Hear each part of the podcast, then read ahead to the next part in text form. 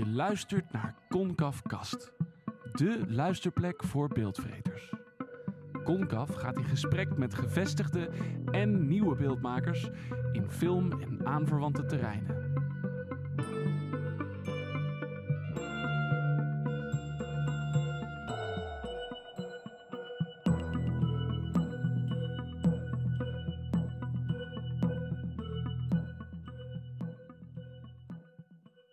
Hartelijk welkom bij de podcast van Concaf. Mijn naam is Frank van Os, documentairemaker en ik interview Justus van den Elzen uit Tilburg.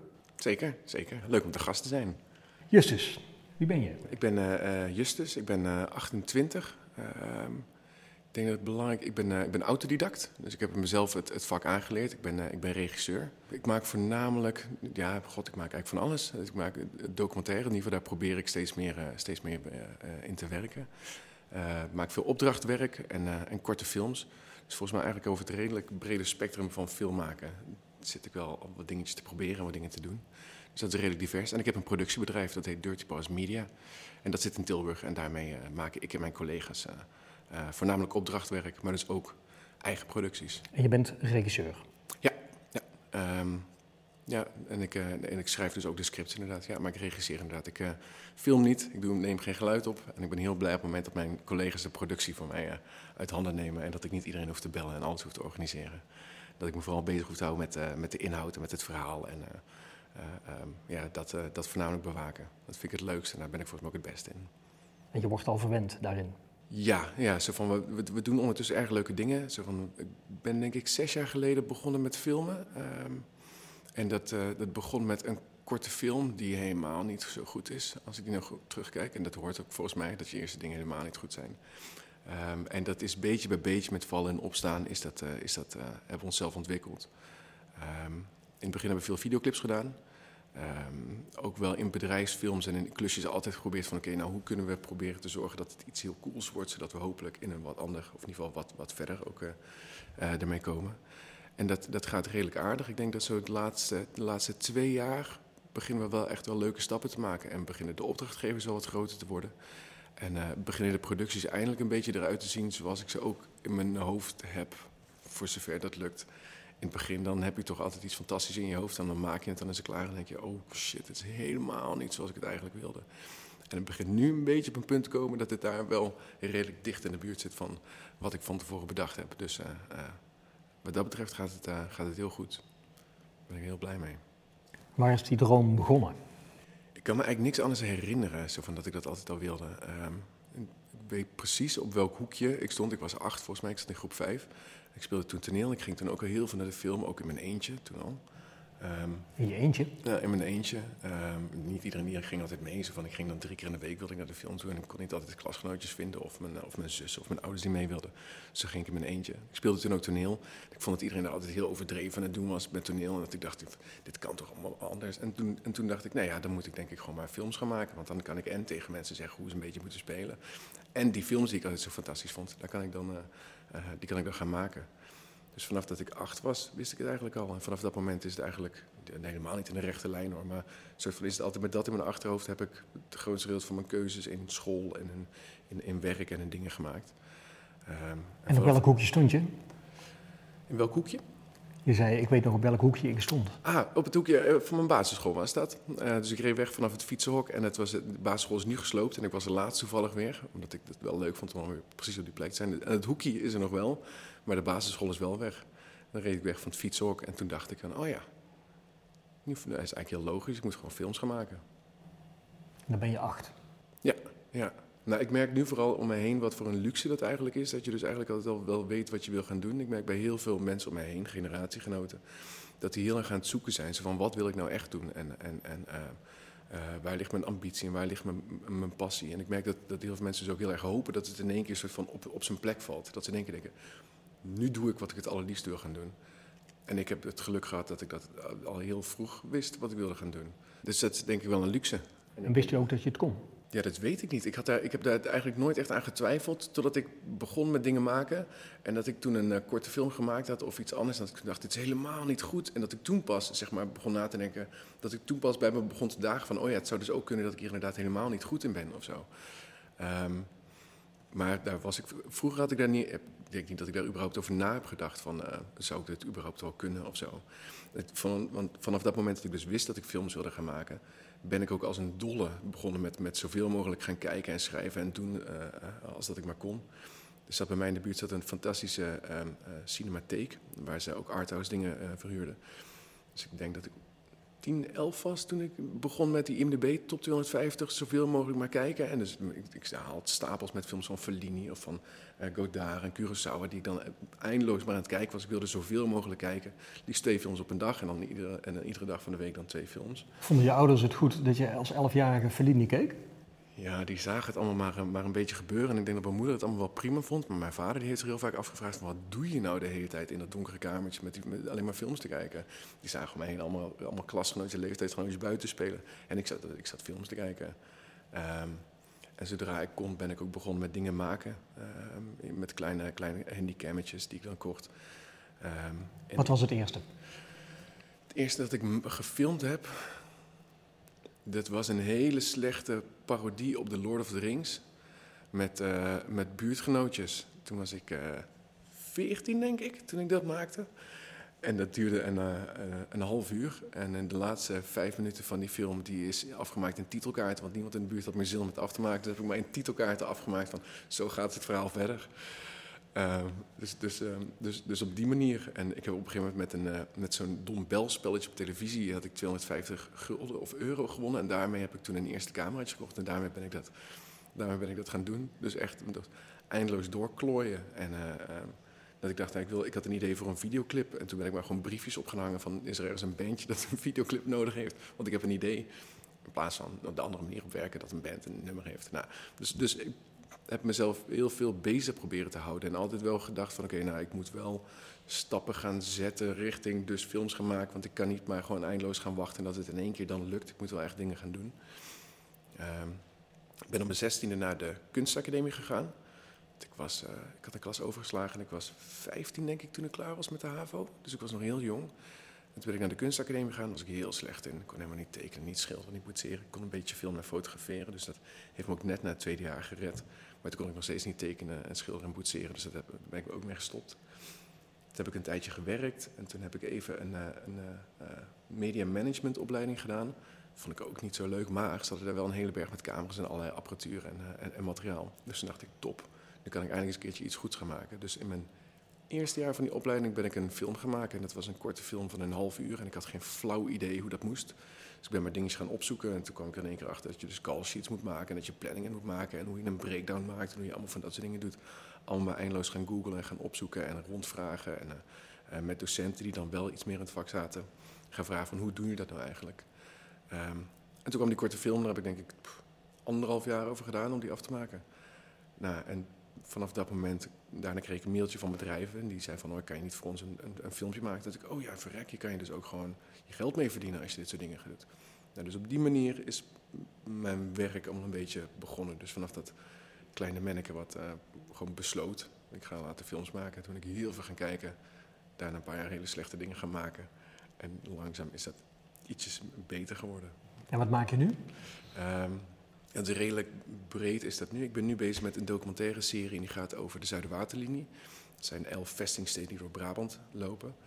Um, vooral tijdens mijn studententijd heb ik eindeloos veel VPRO-documentaire series gekeken. Die verslond ik echt. Ik heb, door jaren terug heb ik alles gekeken wat ze, wat ze gemaakt hebben.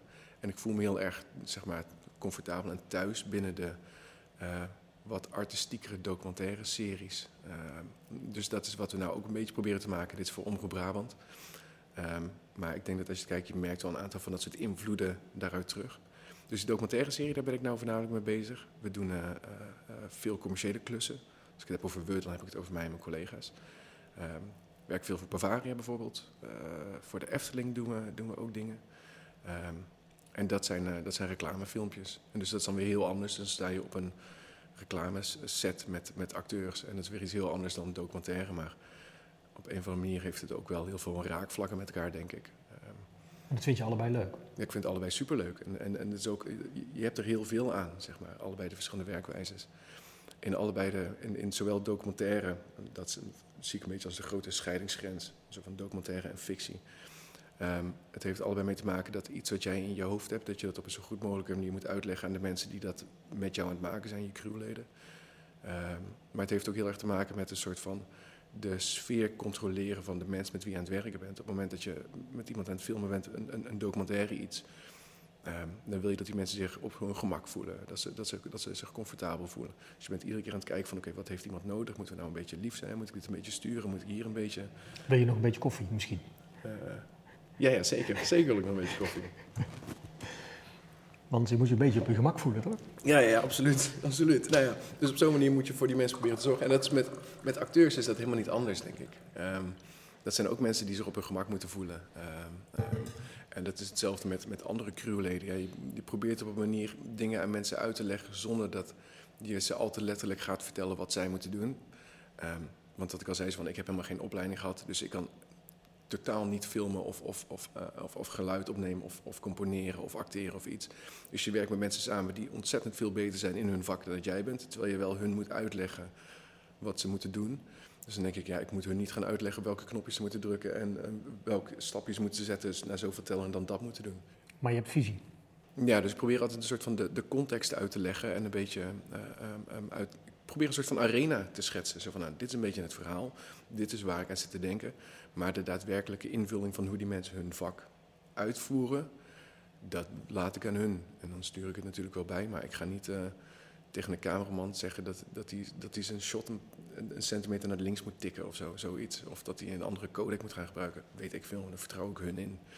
Um, dus dat is misschien ook wel een soort van gemeenschappelijk iets dat je, dat je moet mensen vertrouwen proberen te geven. Uh, en dat ook in documentaire en in fictie, denk ik.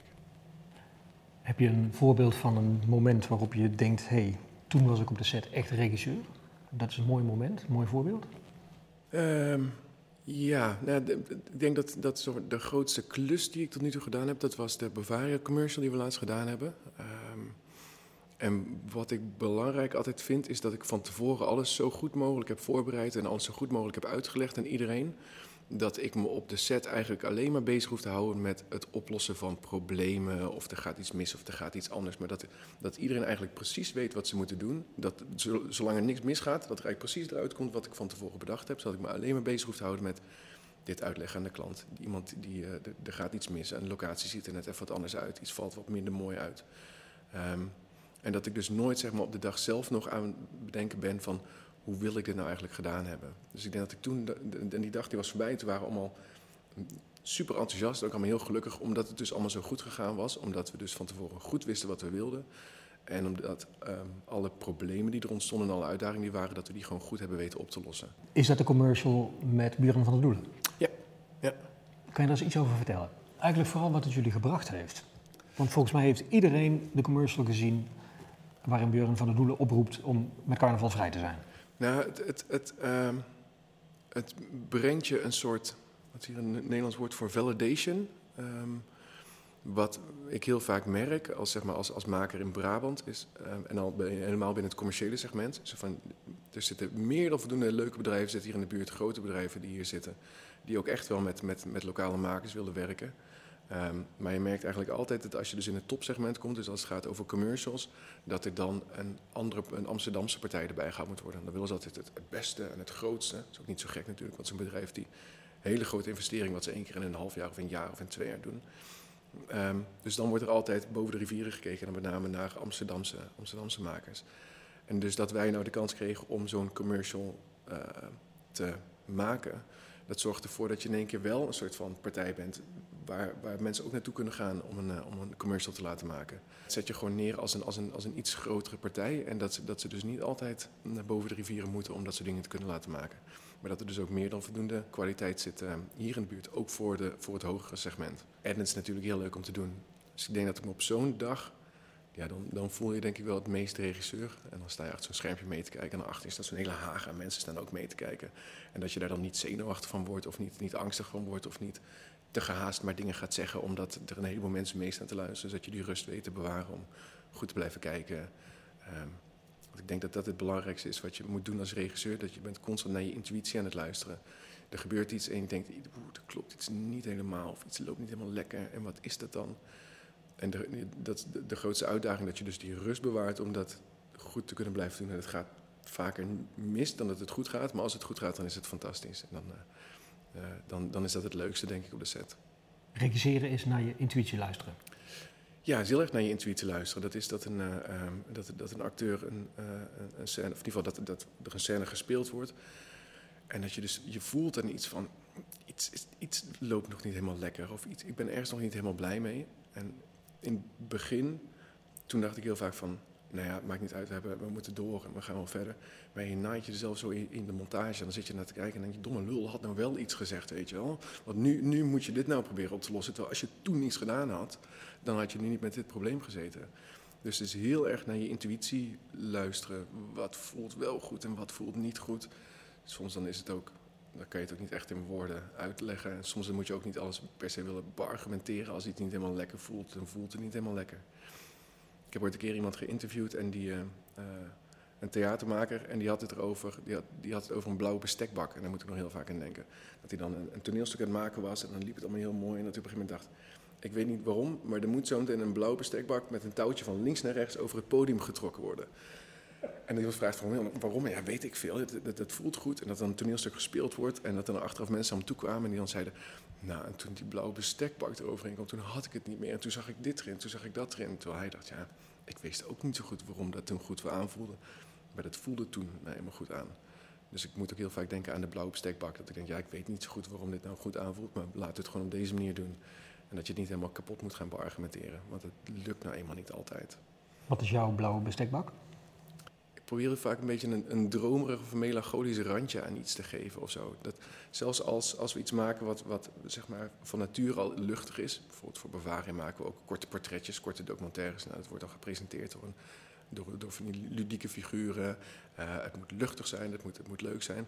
Maar ik wil altijd dat er ergens een soort van een momentje erin zit dat het even door die luchtigheid heen prikt en dat je in één keer een soort van echte menselijkheid ziet. Of dat het echt even ontroert of dat het echt iets, iets doet. Um, ja, soms weet je dus niet waarom, waarom één moment nou zo goed werkt. Of waarom, waarom één blik van iemand, als je die net even wat langer laat liggen, dat, dat het dan veel mooier werkt.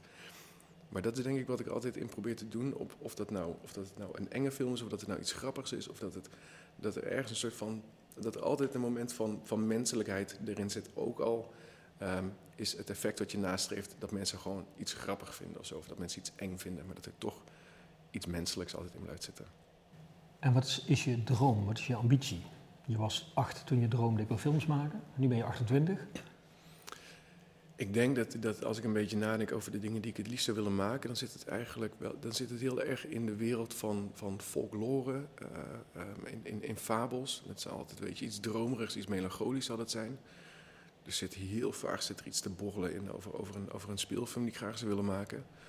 Um, maar ik zou ook heel graag een, een, een documentaire serie maken. Dus een, soort van VPRO-achtige documentaire serie over wat er in de, in de 21ste eeuw nog over is aan, eh, aan, aan folklore, aan, aan volksvertellingen. Aan, aan een soort van een klein beetje magie, wat er misschien nog uh, uh, op sommige plekjes over is. Dat, dat lijkt me het, het, het allermooiste om te maken. Uh, maar aan de andere kant denk ik ook, dat, dat is zo'n droom van mij en ik wil het zo graag zo goed doen, dat ik eerst zeker wil weten dat ik het ook zo goed ga kunnen maken als dat ik het zou willen maken. Dus stel, iemand zou nu tegen mij zeggen van, je mag nu die serie maken... en dat zou dan door heel Europa op zoek naar... wat is er nog over aan, aan volkstellingen. Weet ik niet of ik dat nu zou willen doen, omdat ik nu denk... Ik zou eerst graag nog even een paar jaar verder zijn... voordat ik zeg maar zoiets op zou durven te pakken. Um, maar, maar wat creatieve documentaire series, uh, waar, met een flinke dosis avontuur... Uh, dat, dat, dat zou ik het allerliefste uh, willen doen. Klinkt niet als een commercial. Nee, klinkt zeker niet, klinkt zeker niet als een commercial. Nee, ik vind het, ik vind het superleuk om te doen. Um, en ik wil het ook heel graag een hele tijd blijven doen. Maar als ik inderdaad nadenk over wat wil ik het liefste doen... dan, dan zal een commercial nooit zeg maar, het eerste zijn wat er bij me, bij me naar boven komt. Ondanks dat het natuurlijk wel ontzettend leuk is en het is super leerzaam... en, en um, um, allerlei ervaringen die je opdoet binnen het commerciële werk... die kan je alsnog toepassen op je, op je eigen werk, op je artistieke werk. Maar ik heb inderdaad niet de ambitie om een, om een grote commercial regisseur te worden. Dat, uh, uh, dat niet. Maar ja, ik heb, nog een, ik heb nog een heel lang leven voor me. Dus het hoeft ook allemaal niet per se nu. Ik kan me heel goed voorstellen dat ik de komende tien jaar voornamelijk wel opdrachtwerk ga blijven doen. En meer zijdelings ga proberen te investeren in een soort van het pad van, van documentaire maken en documentaire series maken. En ik hoop, natuurlijk dat zeg maar, het, het aandeel in documentaire series, dat het voor mij steeds groter wordt. Dat ik me steeds meer bezig hoef te houden met, bezig mag houden met eh, grotere producties, grotere verhaallijnen ehm, ehm, die ik zou kunnen vertellen. En dat ik zo, ik wil vanaf mijn 35ste wat meer um, echt, echt, echt de diepte in zou willen gaan. Maar ik denk ook dat ik daar de, de rust en de focus voor moet hebben. En ik merk dat ik nu ook zo van mijn aandachtspannen leent zich op dit moment supergoed voor projecten van niet meer dan een paar maanden. Zo van daarna dan is het wel klaar. En ik denk wel dat je, dat, je, dat je die rust en die focus nodig hebt om dus gewoon voor een langere tijd met één ding bezig te zijn. Terwijl ik ben nu met heel veel dingen tegelijkertijd bezig. Je speelfilm, waar je over droomt. Ja. Waar gaat die over? Dat, uh, zoals ik het nu zie, dat... dat, dat of is dat uh, top secret? Nee, nee, nee. Zo van, ik, zou, ik zou het heel knap vinden als iemand nou op basis van dit idee in één keer zo en die film gaat maken. Dat zou ik ook wel, ik zou niet eens boos zijn, dat zou ik heel knap vinden. dat ze gefixt zou kunnen krijgen. Nee, ik denk dat die, die film die speelt zich af um, uh, voor de Tweede Wereldoorlog. Dus eigenlijk uh, niet per se dat de Tweede Wereldoorlog nou een rol erin speelt, maar het is een wat landelijkere gemeenschap, een beetje afgesloten van, van, van de rest van de wereld. Um, het is een, een, soort van een dorp of een gemeenschap waar het helemaal bol staat van, van, van uh, bijgeloof, van allerlei dingen die er in de bossen zouden zitten. Allemaal uh, monsters en, en, spoken en demonen en godachtige dingen. Maar het dorpje weet niet dat het eigenlijk allemaal gedaan wordt door een mannetje, een soort van kluizenaar die ergens in de bossen zit. Die is diegene die al die verhalen intact houdt. Maar die man is ook ouder aan het worden en dan heet het, is hij een jong aan het opleiden om zijn rol erin aan het overnemen. Zij leven natuurlijk helemaal afgesloten van heel die, van heel die gemeenschap en heel die samenleving. En die jongen die moet het over gaan nemen en hij moet dus ook geheim blijven voor de rest. Maar hij wordt natuurlijk verliefd op, uh, op een meisje wat in, dat, uh, die in die gemeenschap zit. Um, dus het is een beetje dat hij op een gegeven moment moet gaan bedenken... Um, um, hou ik al deze verhalen in stand waar zo'n gemeenschap zoveel waarde aan hecht... of ga ik toch doen wat waar mijn eigen hart ligt? Nou, dat is een beetje wat er nu is en dat laat ik iedere keer een beetje borrelen. En ik denk dat ik een jaar of twee, drie geleden had ik al een soort van een aantal elementjes van dit verhaal. En iedere keer er komt er wat bij. En soms dan is het een soort van magneet dat twee losse ideeën in één keer zo poep tegen elkaar aanknallen. Dat je denkt, oh shit, dit, dit, dit is gewoon hetzelfde, hetzelfde verhaal. En zo bouwt zo'n verhaal iedere keer wat uit. Um, maar ja, ik wil wel, om zo'n verhaal goed te maken, wil ik het supergoed onderzoeken. Ik, ik hou wel van de films van, uh, van Miyazaki, van Studio Ghibli. is een, een uh, Japanse animatieregisseur. En wat ik vind dat hij super knap doet, is allerlei elementen uit heel veel verschillende vertellingen bij elkaar halen. Of dat nou Europese of Aziatische dingen zijn. Um, dat vind ik zo knap gedaan. En dat zou ik in deze film zou ik dat ook willen doen, maar dan wil ik het wel. Ik wil wel dat het klopt. Dus dan wil ik wel gewoon een hele tijd er onderzoek naar gaan doen. En dat, dat, het, dat het aan alle kanten gewoon een, een ademende, levende wereld is. Waar komt de fascinatie voor, voor die volksverhalen vandaan eigenlijk? Ik weet het niet zo goed. Ik denk dat het ermee te maken heeft. De familie van mijn moederskant, dat is iedereen onder mijn overgrootvader. Dus dat zijn 50, 60 man is dat ongeveer. En één keer per jaar dan gaan we met z'n allen kamperen in de bossen van Drenthe. En dan staan we ook echt in een bos op een veld waar dan voor de rest helemaal niemand bij is. Um, en van vroeg af aan weet ik nog dat ik dan in mijn tent lag en dat er dan zo dat vuur, iedereen zat dan rond het vuur zat dan te knisperen. En iedereen zat daar verhalen aan elkaar te vertellen. Het waren allemaal sterke verhalen. En um, ik geloofde vroeger, en dat hebben zij natuurlijk verzonnen, geloofde ik net zo erg in Sinterklaas dat ik geloofde in de kamphaas. En dat zou een van een soort van magisch wezen zijn wat er in die bossen leefde. En er was een hol waar die dan zou wonen en er waren ook allemaal regels rondom verzonnen als je niet gedraagde. Dan uh, vond je s ochtends je fietsen terug in de bomen, die had de kamphaas helemaal opgehangen. Um, dus dat, ik denk dat dat een soort van één keer per jaar in een soort van ja, eigen wereld zijn met, met, met familie en iedereen elkaar sterke verhalen aan het vertellen is en, en elkaar probeert te overtreffen. En iedereen was ook supergoed in het vertellen van verhalen. Um, dat dat er wel voor heeft gezorgd dat ik dat erg interessant ben gaan vinden. En ik ben opgegroeid met uh, uh, Astrid Lindgren, met Roald Dahl. Um, en dat zijn ook allemaal vertellingen die. die het, het, zijn het, volksvertellingen, magisch realisme, daar, daar, daar zit het allemaal een beetje bij in de buurt. Het is een soort van hang naar, een, uh, naar, naar iets ander werelds, wat ik heel interessant vind. Ik denk niet, dat ze, niet zo snel dat ik ooit iets zou maken over sociale ongelijkheid of zo, zoiets. Um, ik kan er ook heel erg van waarderen hoor, van films en documentaires die daarover gaan, maar het is, het is niet helemaal mijn, uh, mijn ballgame. Ik zou ook nooit iets maken over de economische sector of zo, zoiets, weet je wel. Dat, dat is, niet mijn, dat is niet mijn ding. Er moet altijd iets dromerigs in zitten. ehm, iets magisch, maar dan wel altijd dat het menselijke eh, eronder blijft. Dus het hoeft niet bombastisch of heel groots of heel, eh, te zijn.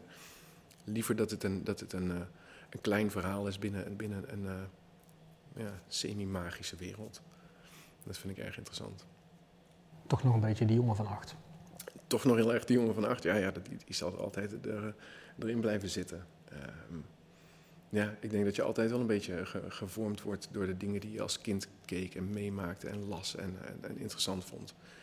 Ehm, dus dat je altijd op een of andere manier wel een beetje aan het maken bent wat je vroeger fascineerde. Ik denk dat altijd je kindertijd wel door zal, zal stromen in de dingen die je, die, die als maker eh, maakt. Of dat nou eh, welke vorm van kunst dat is. Dat maakt zo'n impact op je dat je dat nooit meer los kan laten. Terwijl je denk ik, als je volwassen bent, heb je ook wel interesses, maar die zullen wat meer wisselen en die maken wat minder een, een impact. Sommige van de films die ik keek toen ik 15 was. Bijvoorbeeld de Lord of the Rings, die kwam uit toen ik 11 was. Nou, ik vind die films, dat vind ik nog steeds een soort van een van de allergrootste, mooiste cinema dingen die er ooit gemaakt zijn. Het is zo'n fantastische ehm, ehm, gebruik gemaakt van alle tools die, die er zijn binnen het filmmaken. Maar ik was 11 toen het uitkwam. Nou, dat maakt een indruk. Er gaat nu nooit meer een film zijn die op dit moment nu zo'n indruk maakt als dat een film maakt op het moment dat je 11 bent. Ehm, dus, dus dat zijn de dingen die denk ik voor altijd soort van een, een print op je zullen achterlaten en, en, eh, en, en blijven hangen. Hartstikke mooi, dankjewel. Ja, En succes met al je mooie projecten. komt helemaal goed. Thanks.